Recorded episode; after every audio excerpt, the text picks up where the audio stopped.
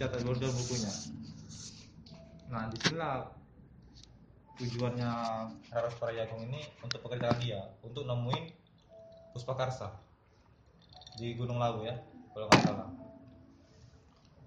Singkat cerita itu tadi kalau nggak salah baru dia masuk ke perusahaan itu perusahaan Kemara. Kemara, Kemara. betul. Kemara. Baru siapa ini nggak suka anaknya siapa ini Anaknya Raras Prayagung. anak perasaan cewek anaknya cewek juga karena nggak suka karena dia ini sensitif penciumannya kalian sama kalian ya tapi sensitif dia kalau ada bau sedikit dia kayak mual-mual gitu Bau-bau yang negatif dia terlalu apa? Terlalu di apa namanya? disingkirkan. Dan hanya nerima bau-bau yang positif yang wangi-wangian aja. Gitu. baru baru masih Suma ini dia punya pacar pembalap. Jadi baru tapi Suma ini dia nggak suka sama ini.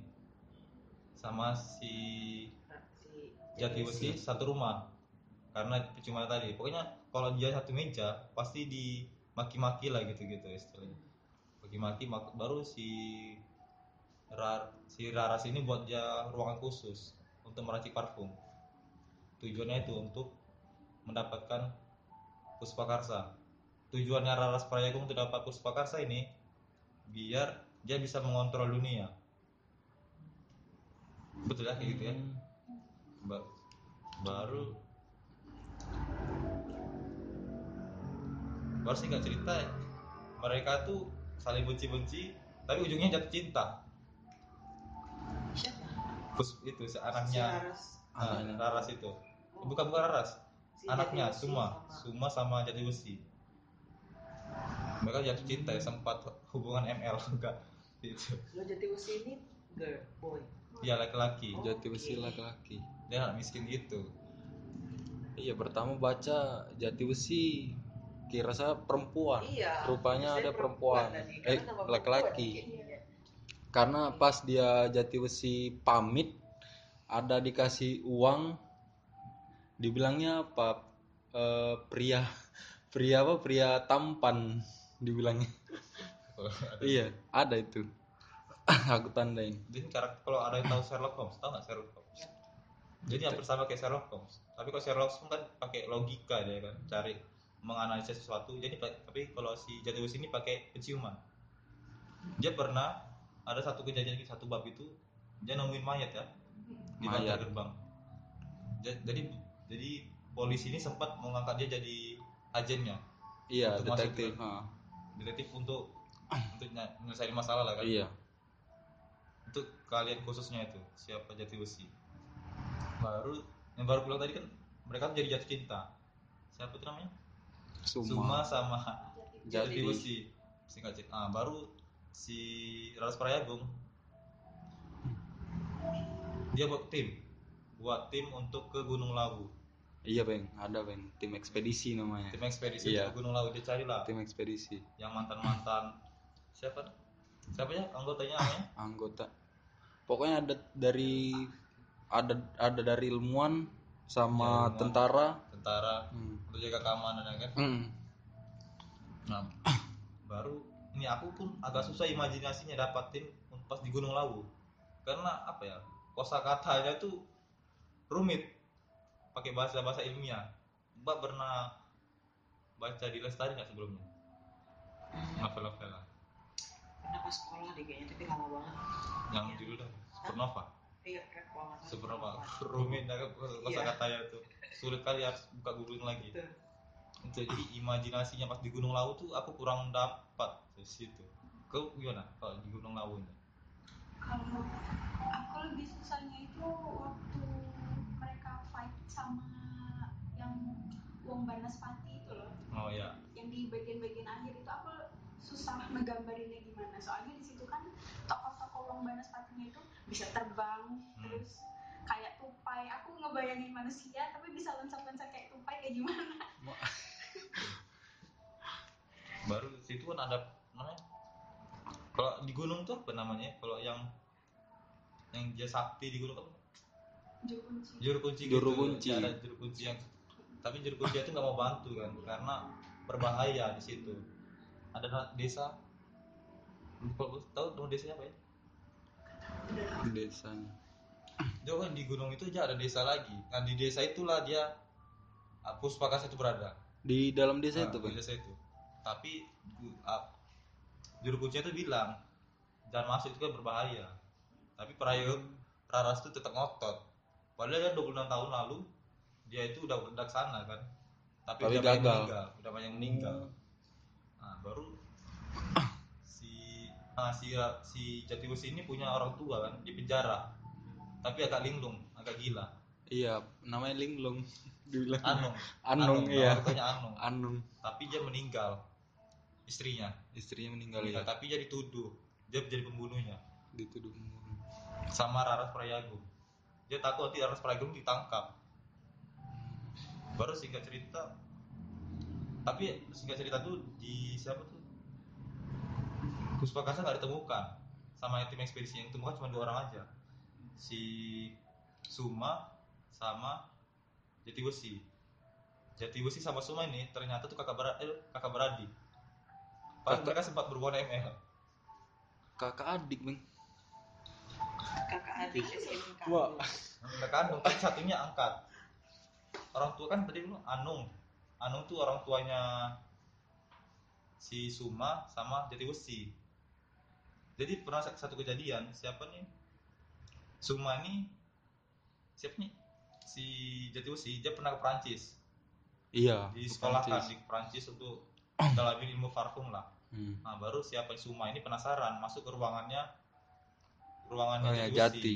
penasaran dia karena kan sempat jatuh cinta sempat jatuh cinta nah baru ditengok lah ada namanya Anung Anung Anung di- ditelusuri jadi sampai ke penjara karena Anung Iya, ini kan datang. dituduh pem- pembunuh iya dia. datang ke penjara di penjara terus ekspresi Anung lihat Suma. itu berbeda gitu sampai nangis ini anakku tapi penjaganya tuh bilang itu bukan maaf ya mbak katanya orangnya memang agak linglung agak linglung Nah, dari di situ yang muncul.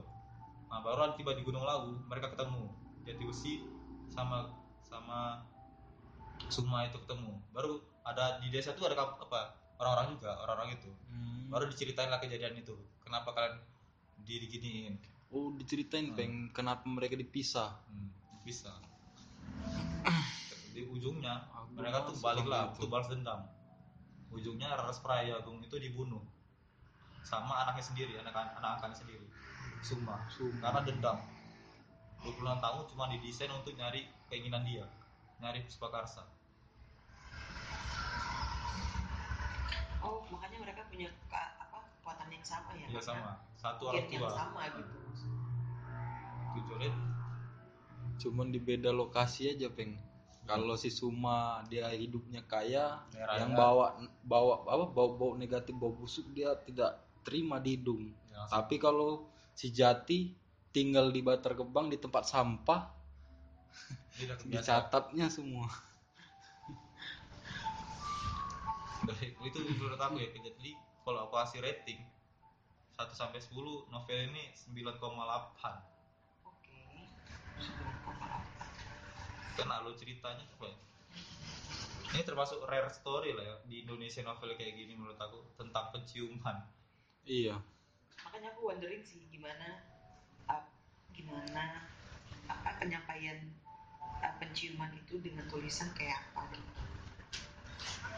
Dan gaya bahasa gaya bahasanya pun pas awal baca dia dicampur bahasa Jawa kuno. Iya. Iya, ada bahasa Jawa kuno, baru dari diambil dari kamus Thesaurus. cerita Saurus Entah? Thesaurus Thesaur Thesaurus. Nah, kalau kalau bisa Rizka. Rizka. tanggapannya gimana? Novelnya buat aku bagus sih. Kalau aku kan udah pernah baca novel-novel di Lestari yang sebelum-sebelumnya. Yang aku suka dari novel ini tuh dia menggabungkan itu tadi in, cerita tentang indera penciuman, penciuman terus iya. mitos-mitos di Jawa hmm? sama fantasi jadi satu. Jadi iya dijadikan satu. Nyampaiannya di lestari itu bisa ngegabungin itu tanpa merasa aneh cat hmm. kalimat-kalimatnya ceritanya. Konfliknya juga diselesaikannya rapi satu-satu sampai akhir. Hmm. Bahkan endingnya itu kan nggak nggak jelas kan si Suma sama Jati ini kelanjutannya kayak apa tapi menurut aku itu udah cukup karena konflik-konflik dari bab-bab se- sebelumnya itu udah selesai semuanya gitu.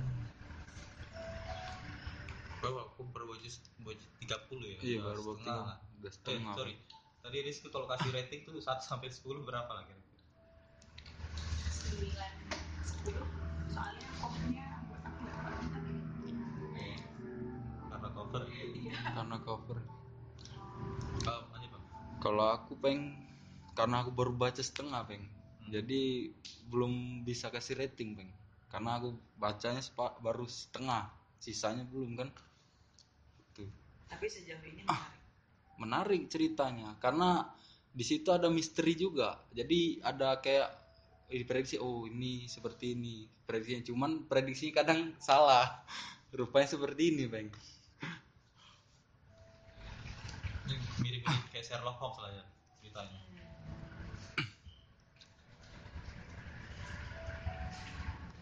Kan kalau- kalau tulisannya di Lestari ini jadi menimbulkan curious untuk pembacanya. Banyak kosa-kosa kata yang nggak kita tahu. Kalau kita cari ke Google, ke Google itu nambah wawasan kita. iya Baru banyak aku Peng. nonton podcastnya siapa ya? Podcastnya dia dengan Gita Wirjawan. Udah pada nonton belum? Novel di Lestari podcast dengan Gita Wirjawan. tahu aku peng Ternyata dia tuh sengaja, sengaja nimbulin apa? Kata-kata kata bahasa Latin, bahasa-bahasa biologis gitu. Main sengaja untuk pembacanya biar dia nyari lagi. kalimatnya Nah, apa tuh telusuri lagi biar apa ya? Biar kosa katanya tuh sama pengetahuan pengetahuannya tuh lebih luas lagi. Iya. Contohnya kan kayak di babnya kan di situ ada tuh babnya tentang enigma. Enigma ya. Enigma. Nah, enigma tuh kan apa namanya kode apa kode inskripsi dari Jerman itu. Kalau dari Hmm. itu ada dari bahasa Latin, artinya teka-teki. Azul. Terus kalau aku tahu novel ini kalau di dijadiin serial Netflix keren ini. Setuju. Bang. Kalau dijadikan serial Netflix. Soalnya kalau di- dijadikan di sebuah film nggak kebayang aku tentang penciuman. Iya. Tapi kan ada yang film ada perfume ya, film-film jadul itu loh. The perfume. film barat tapi jadi dia memang punya apa uh, keahlian gitu untuk uh, penciuman gitu-gitu jadi dia kayak obses banget dengan uh, dia bikin parfum juga cuma saya agak-agak samar ya ceritanya sekarang. Karena udah jadi banget film lama lama banget nontonnya sampai akhirnya dia terobsesi sama satu cewek ini menurut dia tuh dia wanginya tuh sangat menarik gitu. Cuman akhirnya berujung thriller sih lebih Oh film thriller dia. lebih ke situ sih. Tapi samar-samar ingetnya filmnya udah lama banget. Makanya kan cuman karena itu acting kan jadi kita bisa ngelihat ekspresinya Iya, gitu kan. iya. lebih mudah kelihatan gitu daripada dibaca makanya eh, itu sih yang bikin penasaran gimana dia menggambarkan penciuman itu melalui tulisan Nah alasannya pun dia nulis novel ini karena dari kecil dia pengen dia karena udah suka, juga suka penciuman. Karena dia bilang kalau nggak salah di bab terakhir itu dia tulis waktu dia kecil dia nyium bau di udara dari hujan. Namanya itu petrikor nggak salah Petriko. Nah, dari situ dia bilang orang yang paling menyenangkan di dunia ini adalah tukang kebun. Karena dia selalu membersihkan taman. Karena dia bisa menciumin bau hujan yang bisa dibersihkan itu langsung.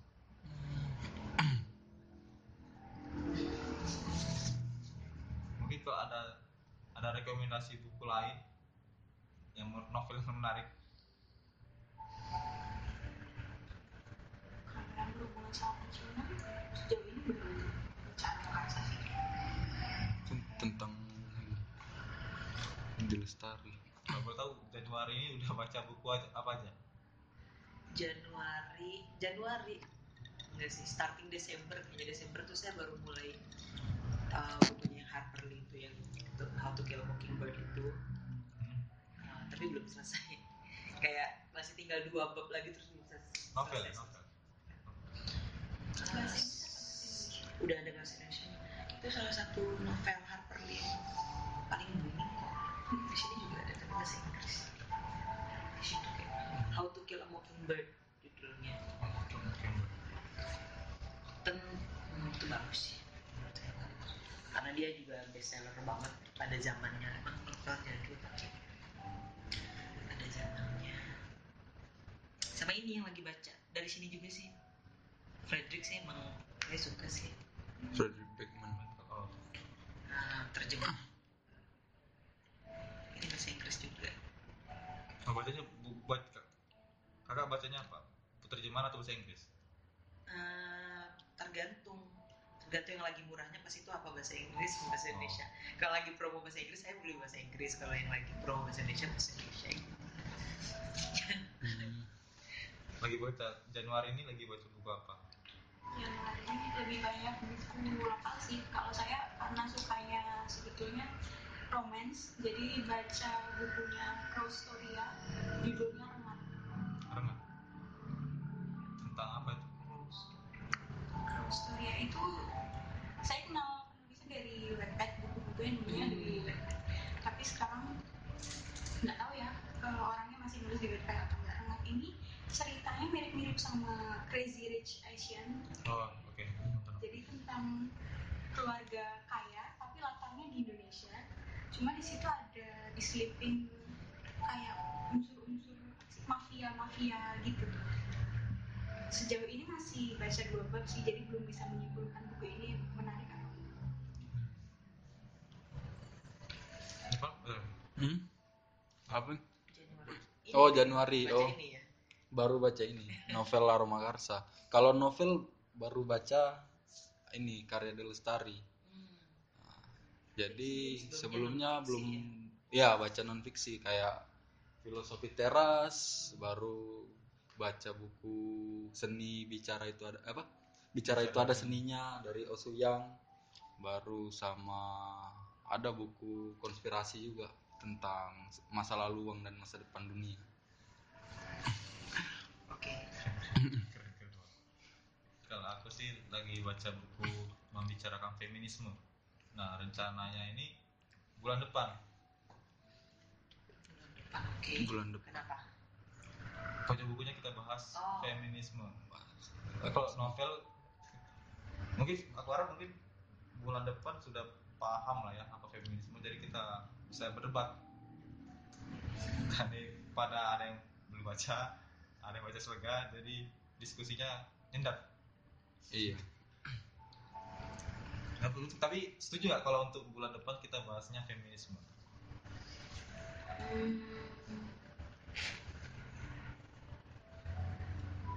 Ada rekomendasi Hmm, ada.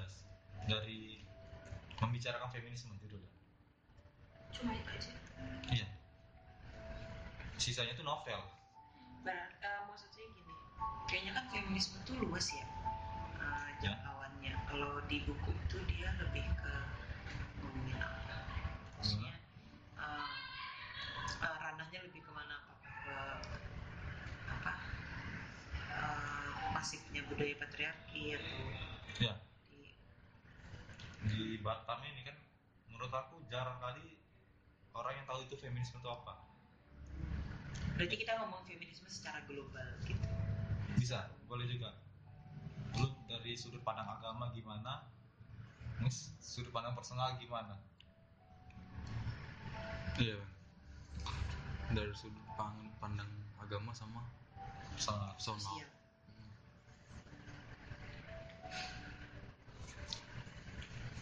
Jadi setuju nggak kalau untuk bulan depan feminisme? Kalau novelnya aja tuh judulnya nggak salah tuh perempuan di titik nol.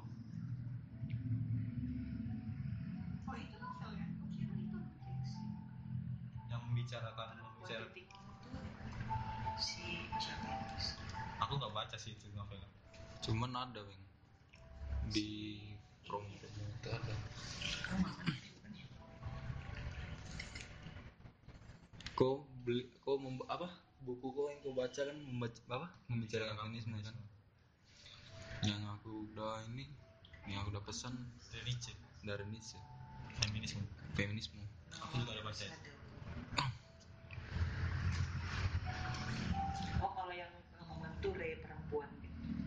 Cuman lebih ngomong ke apa? Perempuan-perempuan yang apa ya? Uh, uh, abuse secara uh, fisikal secara uh, psychological gitu gitu cuman bukan novel deh kayaknya. Tapi oke okay, boleh juga sih referensinya bisa dari mana aja? Mau diambil, mau dari buku atau dari film atau dari Google. artikel-artikel Yang Artikel. penting bisa kita perdebatkan. Bisa feminisme ya tapi pengennya yang yang pengennya yang deket sama ini sih. Dekat sama Iya, dunia dengan- kita. iya, di Batam ini, kita. secara umum lah secara umum. Eh secara umum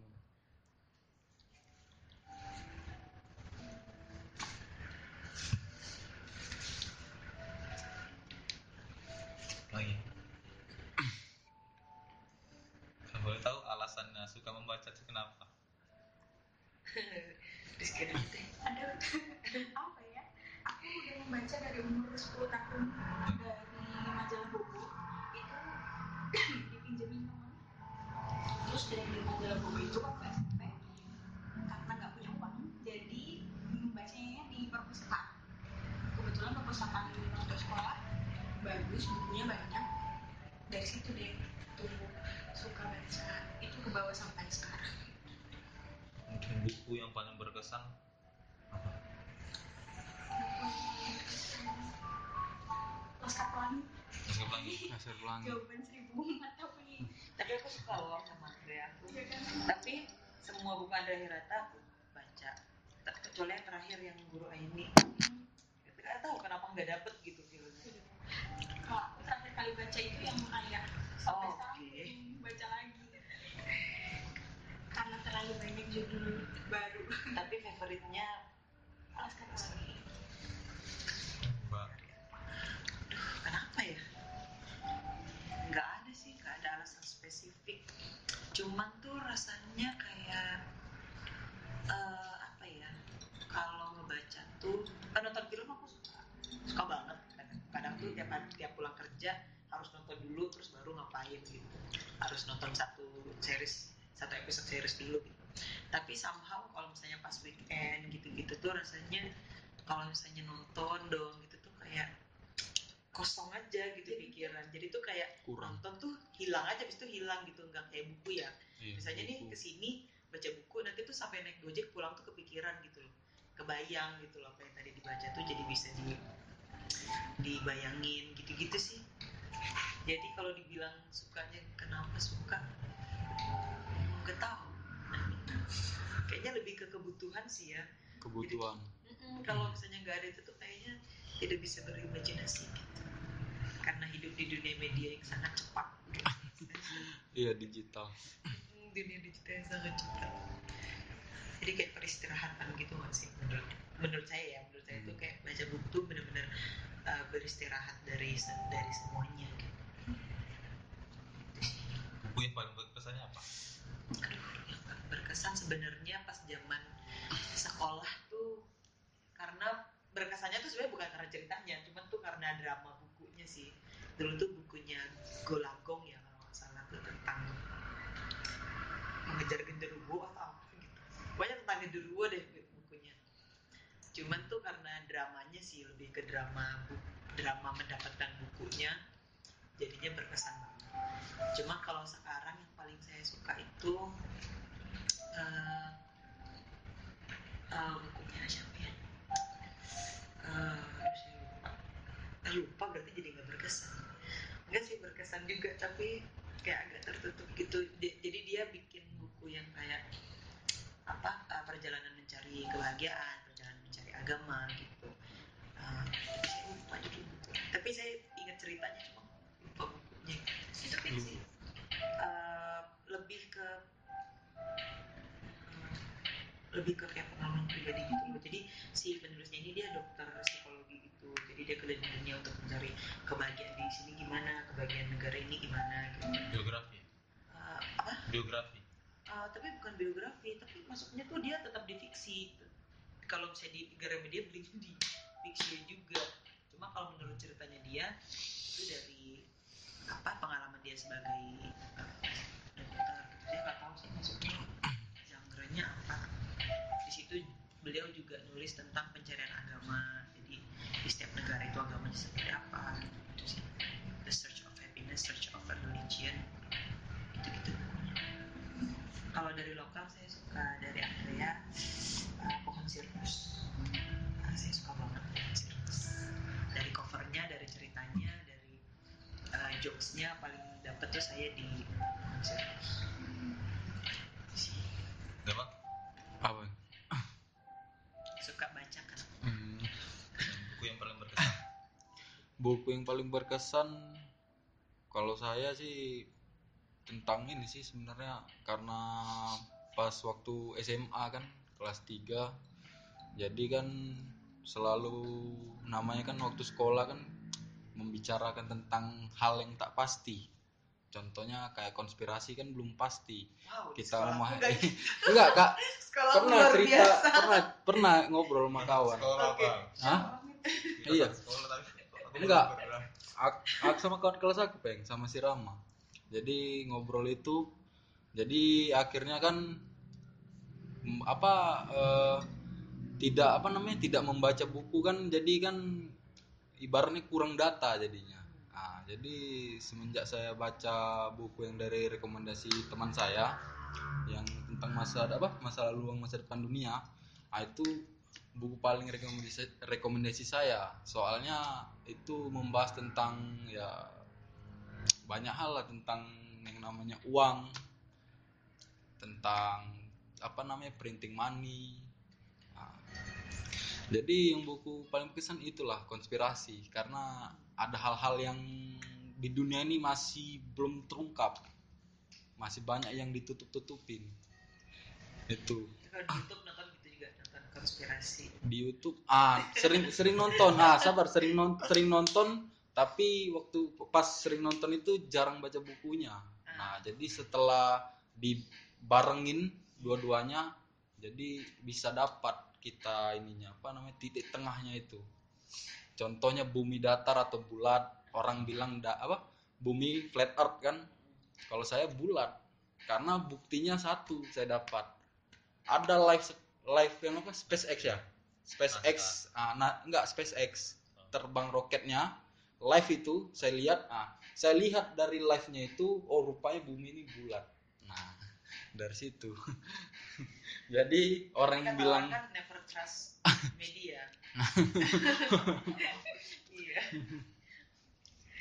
Bahkan bahkan sempat ada omongan yang Neil Armstrong, Neil Armstrong itu uh, konspirasi juga kan Iya. di bulan itu apakah memang begitu ataukah itu teknik kamera gitu, Ya kalau itu lebih lebih diselidikin lagi kalau itu kalau yang seperti itu Neil Armstrong katanya apa mendarat di bulan kan iya. tiba-tiba benderanya ber apa Nah, makanya kan kibar. banyak konspirasi pokoknya itu aja berkesan tentang konspirasi Kak. Kalau aku suka membaca tiga tahun yang lalu lah, tahun karena baca bukunya Madilog, Jadi dong Madilog, materialisme, dialektika, logika. Nah, alasan aku buat grup itu karena buku itu juga, karena di buku itu kan dibilang ada di satu bab itu paling berkesan lah, Hmm, mistika. Karena orang Indonesia ini nggak nggak maju karena masih percaya hal-hal mistis. Babi ngepet dukun dan lain-lain gitu. Kayak ini majalah bukan majalah yang ih dia tuh mistis-mistis gitu kan masih ada. Oh iya iya. Aduh majalah apa sih Iya, itu? covernya tuh seru. tulisannya berdarah-darah gitu. Iya. Iya iya iya itu. macem-macem pengen itu ada juga buku hidayah azab kubur. Nah. kan nggak kan nggak ini nggak kayak ini eh, apa? Komik bocah ya Ah, iya. Ya ah iya iya betul oke oke lanjut lanjut baru nah di situ lah aku kaget ada orang Indonesia kelahiran Sumatera Barat kalau salah ya salah satu pahlawan revolusioner lah Sama makan. Tang Iya, Malaka. Tan Malaka. Hmm, dia nulis buku itu tanpa dua selesainya. Nah, menurut aku kecerdasan dia tuh melampaui orang di zamannya. Jarang ada orang yang tahu novel. Aduh, lupa novel. Dulu. Ja- jarang ada yang tahu Skandinavia. Skandinavia pada tahu ya? Bangsa Viking berasal. iya Nah, di novel apa di bukunya itu dituliskan apa tuh Skandinavia baru senyawa kimia. Bayangin orang di tahun 42 orang Indonesia di zaman penjajahan sudah tahu itu. Karena rasa kuriusnya itu tinggi kali. Dia sampai sekolah ke Rusia baru dia nu- nulis nulisnya pun di bawah apa dia tuliskan di nulis buku itu sambil pesawat tempur tuh di atas dia. Dituliskan di buku juga. Baru dia jelaskan tentang Tuhan juga di situ. Baru dia berbicara tentang komunisme juga di situ. Nah di situ rasa kuris aku juga nimbul di situ. Jadi aku pengen baca buku-buku lain. Makanya aku buat grup itu ya tujuannya biar orang Indonesia nih otaknya tuh berkembang lah. Hmm. hal-hal mistisnya tuh berkurang. Halal mistis kan banyak kejadian-kejadian itu yang belum bisa dijelaskan secara ilmiah. Tapi orang Indonesia tuh langsung kaitin ke hal mistis. Setuju nggak? Kalau aku baca Madilog itu lebih apa namanya salutnya ke perjuangan dia membaca sih. Karena kan dia Oh, iya. intinya pindah-pindah terus bukunya sempat hilang sempat di Iya. tapi tetap ngumpulin lagi bukunya itu satu-satu terus dibeli lagi hilang lagi cari lagi kayak gitu. Tulis lagi. Aku salut pas akses membacanya itu udah banyak tapi aku masih merasa malas baca gitu. Sedangkan dia yang dulu susah terus hidupnya pindah-pindah ke mana-mana masih nyempetin untuk baca buku cari buku kayak gitu. Aku salut sih sama perjuangannya Iya. cari ilmu. Kalau nggak salah tuh bukunya tuh sa- sa- termasuk 100 100 buku yang paling berpengaruh di Indonesia bukunya Madilog madilog Madilog itu hampir sama kayak bukunya Bung Hatta. Oh untuk Bung negeriku. Hatta. dia kan berjilid ya Bung yang Hatta. tiga Satu, jilid tiga. kemarin itu peng itu sih buku yang paling berkesan dan alasan aku membaca kenapa. Itu pertama kali gue baca peng iya. Bukunya pertama kali. Tiga tahun lalu. Maka ada buku yang nggak bakal dibaca nggak gimana? Buku yang nggak akan dibaca. Ada itu tadi kayak no, majalah-majalah misteri gitu-gitu. Majalah iya majalah-majalah misteri baru.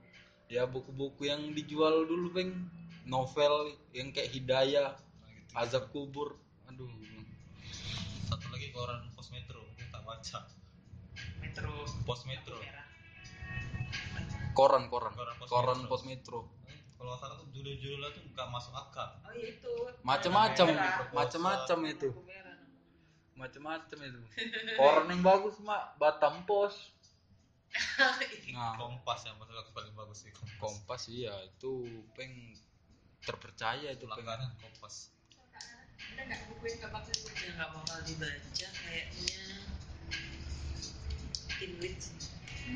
Oh. Dari zaman sekolah pun. Kalau terutama di dunia cewek ya Teen Lit itu tuh kayak apa tadi? Teen Lit Teen Lit tuh kayak novel-novel remaja gitu loh. Nah yang kayak gini nih. Jadi tuh kalau zaman kita sekolah tuh yang terkenalnya tuh tinit-tinit gini terutama di kalangan cewek tuh. Jadi cewek-cewek yang hedon terus cantik, oh, gitu-gitu deh. Hmm. Gitu. Dan hampir hampir semua lit itu ceritanya begitu. Pokoknya cewek populer, gitu-gitu pokoknya gitu. Jadi dari zaman sekolah pun aku it's a big coba Hmm? Apanya? Buku yang Buku yang nggak dibaca. Kalau yang buku nggak dibaca sih, Peng, aku majalah, Peng. Majalah. Nggak pernah aku kalau suka ya kurang. Apalagi majalah, apalagi kan Playboy. Playboy. majalah, majalah tentang fashion. oh Nah, Oh. itu enggak kurang tertarik kurang tertarik. Soalnya yang kayak kau rekomendasi kayak rekomendasi kemarin kan yang kau bilang di Gramedia ada apa? Buku yang berapa Bing? Ada buku promo. Hmm. berapa? lima ribu ya? lima ribu. kan aku ke situ. Rupanya sekali ke sana rupanya banyak buku tentang memasak tentang fashion tentang komik komik anak kan. Oh ini kalau komik anak udah lewat lah dulu. Waktu kecil. Udah gitu seriesnya banyak yang gak lengkap. iya Karena saya juga sering hunting uh, bazarnya Gramet dulu kan. Kalau mau beli komik, ya nomor ini nggak ada. Ya nomor ini nggak ada mau bacanya. iya kemarin mau beli ada kemarin juga kemarin mau beli komik juga di Gramedia komik yang baru keluar juga nih kan di baru lihat trailernya di YouTube tentang apa tentang apa namanya itu kayak mata-mata sama assassin pembunuh pembunuh apa nih pembunuh inilah pembunuh berantai. Jadi dia punya keluarga judulnya Spy X Family. Dia nanti ngadopsi anak anak kecil. Komiknya itu nggak lengkap. Dari pertama nanya yang pertama komik jilid pertamanya vol satunya nggak ada katanya. Yang ada langsung vol 5 jadi kalau nggak ada komik nggak ada jual dari awalnya udahlah baca baca dari ini aja Manga. manganya aja langsung sekarang lebih suka ke webtoon atau Sini jalan. Aku belum pernah baca komiknya. Dulu saya paling baca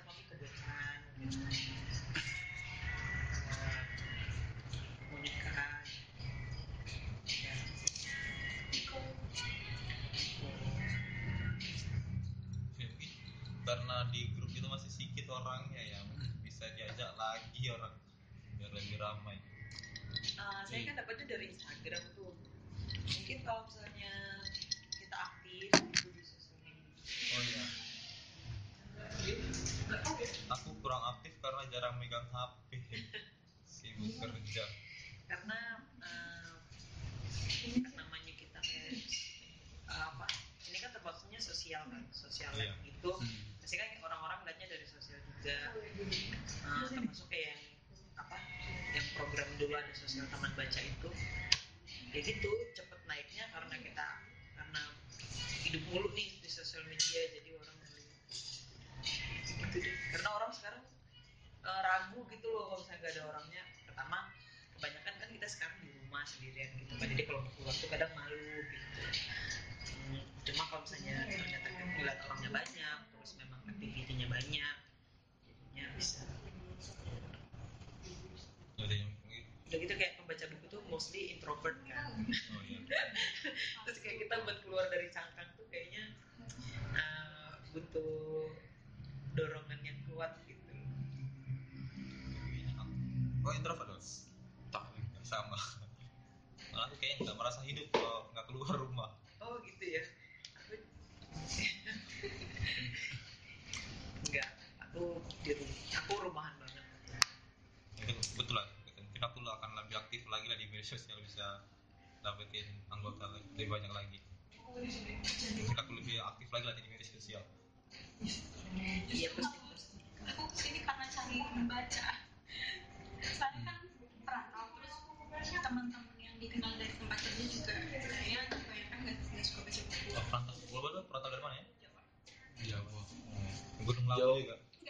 Gunung Lawu dan dia jauhnya di Tegal oke oke. Makanya cari teman bacanya ya ini dari grup baca buku kalau dulu kan di Jawa karena banyak teman sekolah terus teman sekolahnya juga sama-sama suka baca jadi bacanya nggak ngerasa sendirian. Kalau di sini ngerasanya sendirian sendirian aja. Karena introvert juga tadi ya.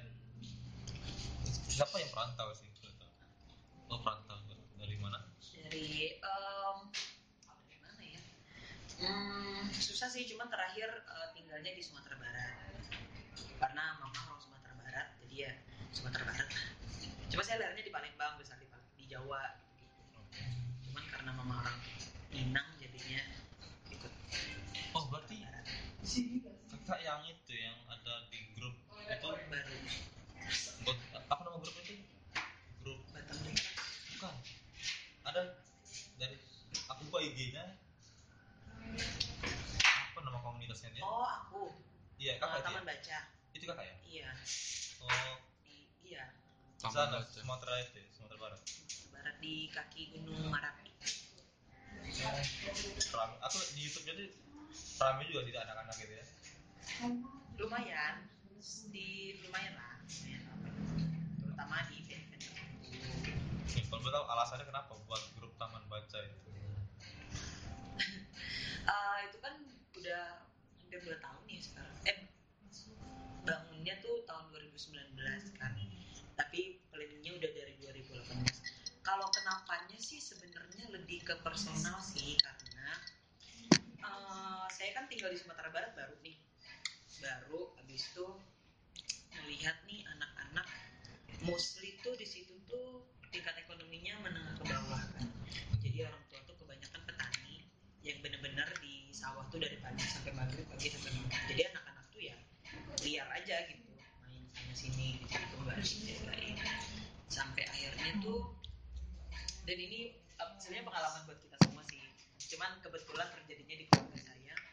Jadi ada nih adik sepupu eh, adik sepupu saya ini pas masih kecil dia agak eh, late speech gitu. Nah, apa telat telat bicara gitu. Telat oh. Nah, telat ngomong Eh, itu terjadi karena orang tuanya broken home nah jadi bapaknya ini ninggalin ninggalin ibunya. Jadi ibunya jadi single mother yang harus ke sawah setiap hari gitu kan buat makan dia buat makan anaknya. Akhirnya si anaknya ini nggak ada yang jagain. Jadi dikunci di rumah setiap hari gitu. Jadi setiap hari dia nonton TV dari pagi sampai malam setiap hari selama bertahun-tahun. Itu akhirnya perkembangannya kurang maksimal. Jadi dia nggak bisa ngomong dengan baik gitu bisa berinteraksi. Jadi eh, hal-hal yang bisa diomongin dia tuh cuma hal-hal yang ada di TV misalnya kayak eh, selamat makan eh, selamat tidur apa kabar? Kenapa kamu seperti itu? Gitu-gitu. Jadi dia tidak- nggak bisa berkomunikasi layaknya pada umumnya. Gitu. normal. Heeh. sampai akhirnya dibiarkan begitu terus akhirnya jadi eh, autis. Akhirnya jadi autis. Nah, terus mau sekolah juga nggak bisa mau sekolah iya. Eh, akhirnya tapi sempat sekolah juga sampai SD itu sempat di sekolah autis sampai kelas 6 SD jadinya eh, develop lah dari eh, skill membaca skill menulis eh, berenang gitu-gitu. Akhirnya eh, long story short dia udah umur udah umur 18 tahun uh, developmentnya semakin menurun. Jadi kayak uh, ngobrol masih kacau gitu emosinya juga labil gitu gitu kan. Sampai akhirnya ketemu sama saya. Uh, pas itu saya masih merantau jadi pulang kampung sekali-kali doang kan. Saya tanya nih adik kamu hobinya apa? Gitu. dia bilang hobinya uh, dancing. Dia suka banget dancing. Dia cewek kan dia suka banget dancing. Tapi aku nggak bisa dancing aku bilang kan. I cannot provide you with dancing. Uh, what else do you like? Aku bilang gitu. Oh, karena dia bisa bahasa Inggris. Makanya jadi saya uh, suka ngomong bahasa Inggris sama dia kan dia bilang "Uh, aku suka baca katanya gitu. Eh aku suka baca buku dia bilang gitu kan. Baca buku apa emang? Bilang jadi bu- bu- buku baca apa aja di rumah tuh dia baca. Gitu. kadang tuh nah kebetulan si bapaknya ini suka eh, bapaknya ini walaupun udah nggak di rumah ya bapaknya ini suka kayak musik-musik eh, rock klasik terus gitu-gitu. Jadi dia eh, ngebacain kaset-kaset apa namanya? Kalau kaset zaman dulu kan ada lirik-liriknya ya.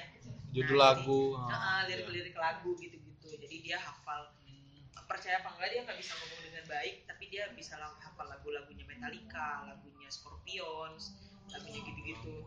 Terus dia suka banget nonton eh, apa MotoGP. Jadi dengan MotoGP itu dia hafal semua eh, pembalapnya negaranya warna apa bahasanya apa gitu dia tahu.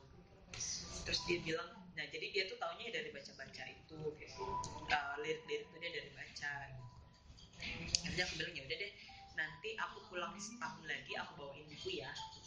Ya. Ya udahlah tahun depannya ternyata aku lupa. Nah aku beneran lupa udah gak inget lagi dengan janjiku itu ternyata ditagih sama dia. Terus aku lupa. Ya udah deh kita beli aja. Ya udahlah akhirnya kita mobil tuh selama 30 menit uh, ke kota terdekat dari Gunung Marapi itu itu nggak ada toko buku gitu. nggak ada toko buku nggak ada perpustakaan terdekat dari rumah ya jadi di situ saya mikir eh, kasihan juga ya anak-anak di sini ternyata mereka memang nggak ada akses sama sekali untuk dapat buku gitu. sedangkan sekolah di kampung mohon maaf ya sekolah di kampung tuh buru-buru perpustakaan gitu Eh, untuk ruang kelas sudah ini aja udah lumayan gitu. Jadinya ya udah di situ saya mikir um, orang tua saya bangun rumah kan di situ buat rumah pensiun gitu jadi rumahnya kecil tapi tamannya besar gitu. Yang bilang gimana nih ya kalau kita bikin uh, kayak mini perpustakaan gitu deh di rumah gitu. Taman baca lah buat anak-anak gitu. ya udah kata ayah saya ya udah um, jalanin aja kalau kamu mau. Ya udah akhirnya kita uh, pokoknya saya ngumpulin selama setahun dia tuh datang ke bazar Gramedia terus ke buku-buku second. Kalau di Jakarta kan lumayan banyak ya tempat-tempat buku second gitu. Dia udah nyarinya tuh uh, kebanyakan bobo. Pokoknya tuh majalah yang bergambar lah bobo dan Kids. Gitu. ya udah selama setahun tuh terkumpul kurang lebih 40 buku doang kalau nggak salah 40 buku anak-anak. Terus udah bangunlah itu akhirnya udah gitu jadi aja jadi gitu jadinya uh, berawal dari sepupu saya saya ngeliat sepupu saya yang begitu dan saya berharap nggak terjadi lagi gitu dengan anak-anak lainnya gitu. Karena karena memang secara stat apa uh, secara kenyataannya memang kehidupan di kampung pun sekarang untuk uh, apa uh, perceraian gitu-gitu tuh udah lumayan tinggi termasuk di kampung saya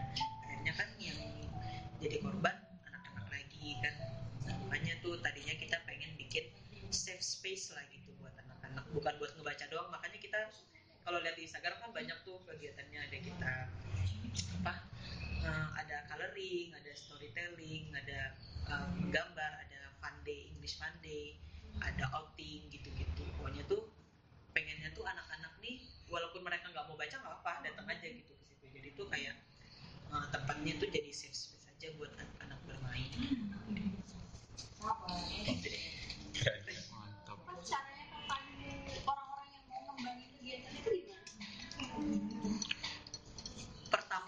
sih saya nyari dari keluarga terdekat dulu. Jadi saya deketin. Yang tadinya saya nggak kenal sama sepupu sepupu sepupu saya kita deketin ya semua. Pertama sama saudara saya dulu kan. Eh, kebetulan ada abang kandung saya di situ. Kebetulan dia juga semangat dengan proyek ini. Jadi kita jalan berdua kita ajak sepupu siapa aja yang mau. Eh, apa mau kapan aja datang gitu.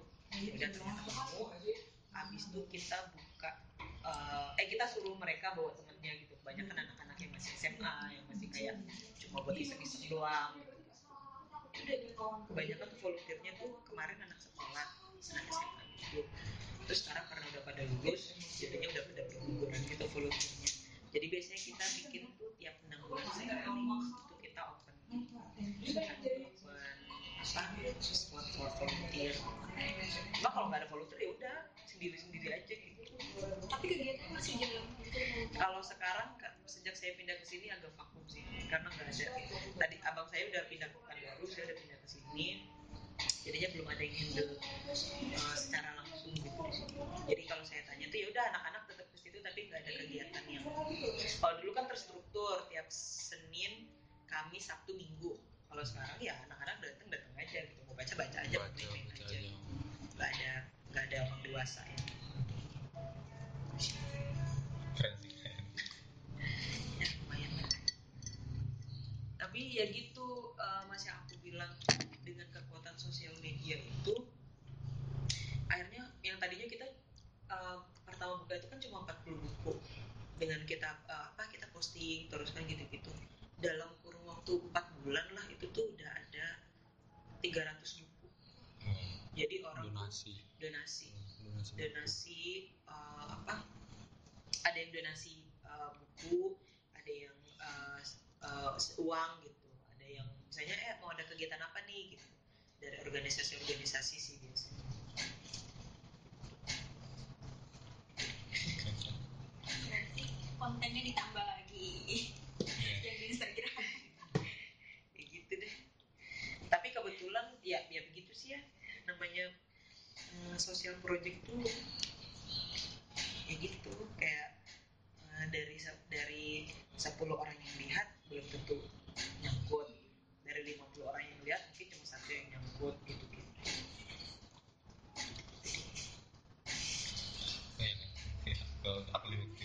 Cuman kebetulan kalau di Sumatera Barat itu mas taman baca itu masif banget pergerakannya. Jadi kita punya komunitas literasi agama namanya. Jadi di setiap daerah tuh memang benar-benar udah punya rumah baca masing-masing. Dan mereka bergeraknya tuh sangat aktif gitu. dibandingkan taman baca yang saya bikin ya itu sangat aktif banget. Karena pun pemerintah daerahnya sangat mengapresiasi gitu. pemerintah daerah sangat mengapresiasi ketika ada event besar. Itu semua pemerintahan pasti mau datang. Bahkan sekelas gubernur ya. Gubernur tuh mau datang gitu. Buat acara-acara literasi yang kecil-kecil kayak gitu doang. Itu lagi karena didukung kalau di sini kan kayaknya saya lihat kan pokoknya tuh kalau buka eh, apa ya rumah baca Sumatera Barat atau rumah baca Padang itu banyak banget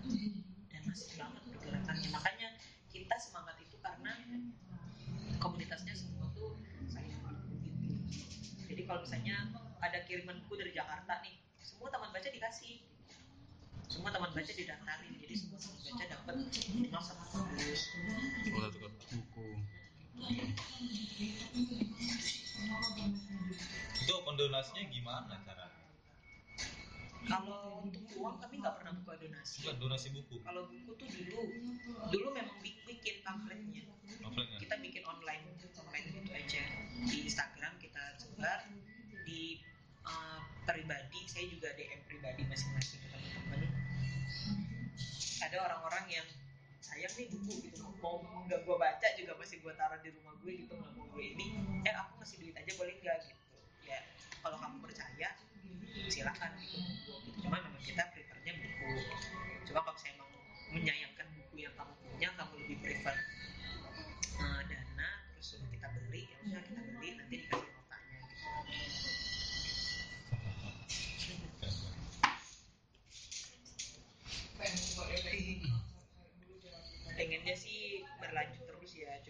kalau jarak jauh ini agak susah sih.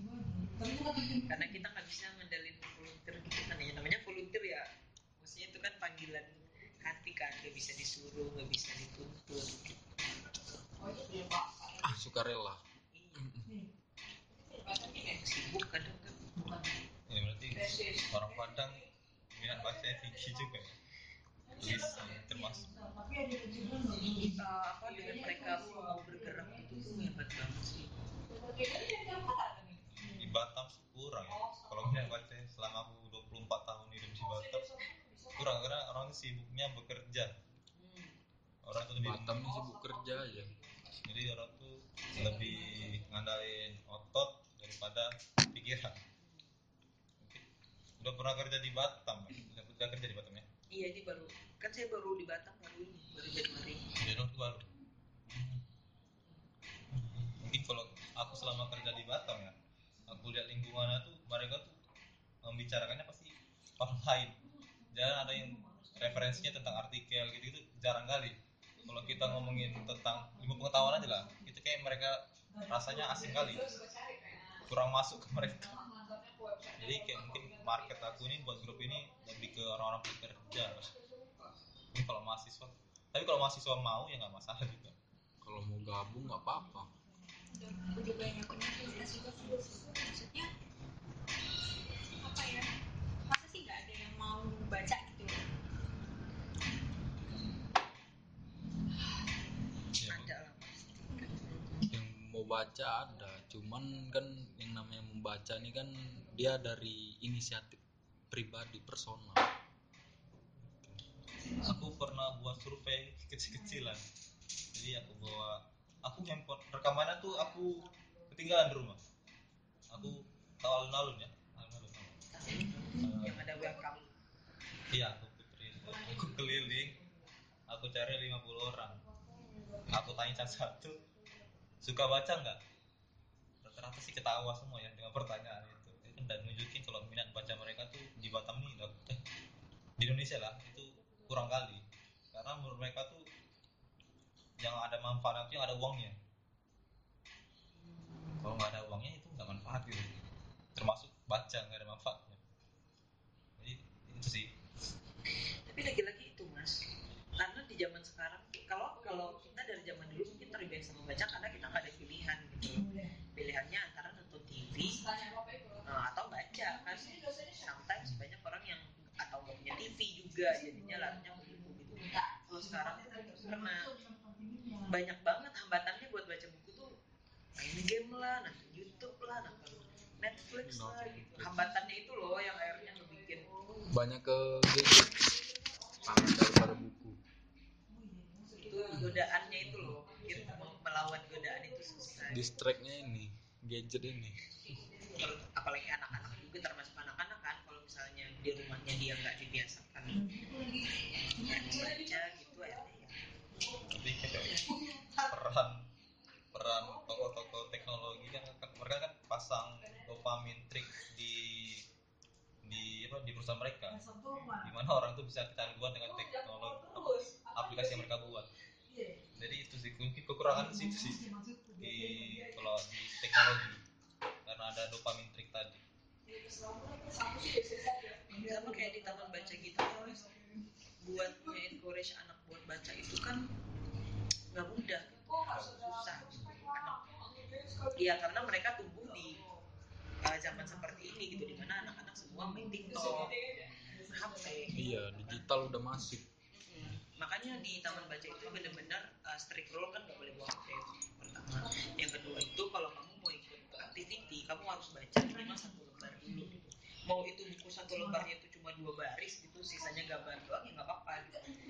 as long as kamu ngebaca dan kamu cerita di depan kamu harus telling stories dulu. Ini buku ini tentang ini nih aku bacanya cuma dua baris ceritanya tentang si Buni pergi ke pasar gitu. Oh ya udah sampai segitunya gitu. Uh, buat kita nge-encourage mereka ngebaca itu. Kalau soalnya tuh apa? Kalau misalnya tiap hari kita cuma ini nih buku nih kamu baca nih buku udah menarik banget nih gitu kan lu tinggal baca doang. Lari nggak ada yang datang lagi besoknya gitu. Jadi tuh kita benar-benar banyakin apa kegiatan kayak misalnya uh, art creativity gitu bikin-bikin apa kek atau sekedar mewarnai aja gitu tuh syaratnya cuma itu doang baca pun di rumah baca yang lain juga ada. Rumah baca dia tuh sebenarnya lebih ke sepak bola sama takraw buat anak-anak kan. Cuma buat anak-anak bisa ikut latihan sepak bola itu harus baca dulu minimal 30 menit baru bisa. Kayaknya tuh harus butuh pancingan gitu loh. Trigger. Triggernya. Terutama karena di rumah dia nggak dibiasakan. Itu sih godaannya itu sekarang. Terlalu banyak kadang kita yang udah dewasa aja tuh susah ya. Kadang ah, saya pribadi sih saya pribadi tuh kadang kalau udah capek banget nah males lah gitu. Tinggal hidupin TV tiduran ya tidur gitu. Sih.